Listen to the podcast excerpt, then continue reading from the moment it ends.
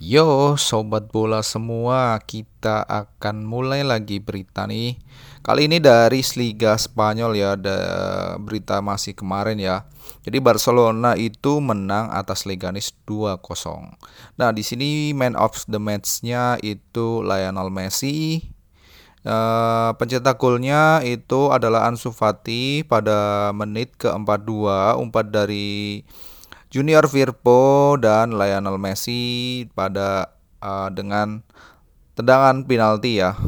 Nah, ini susunan dari Barcelona itu kipernya Mark Stegen, terus Sergio Roberto, Gerard Pique, Pique, Clement Lenglet, Junior Firpo, di gelandang ada Ivan Rakitic, Sergio Busquets, sama Arthur Melo di depan Uh, tentu saja ada Lionel Messi, Anthony Griezmann sama Ansu Fati. Jadi Ansu Fati ini sudah sering main ya ini dan dia performanya cukup uh, stabil ya. Semoga uh, apa namanya dapat memberi warna pada lini depan dari Barcelona. Nah, kita tunggu saja ya hasil dari uh, apa namanya Liga Spanyol yaitu antara Mad, uh, pertandingan Madrid ya.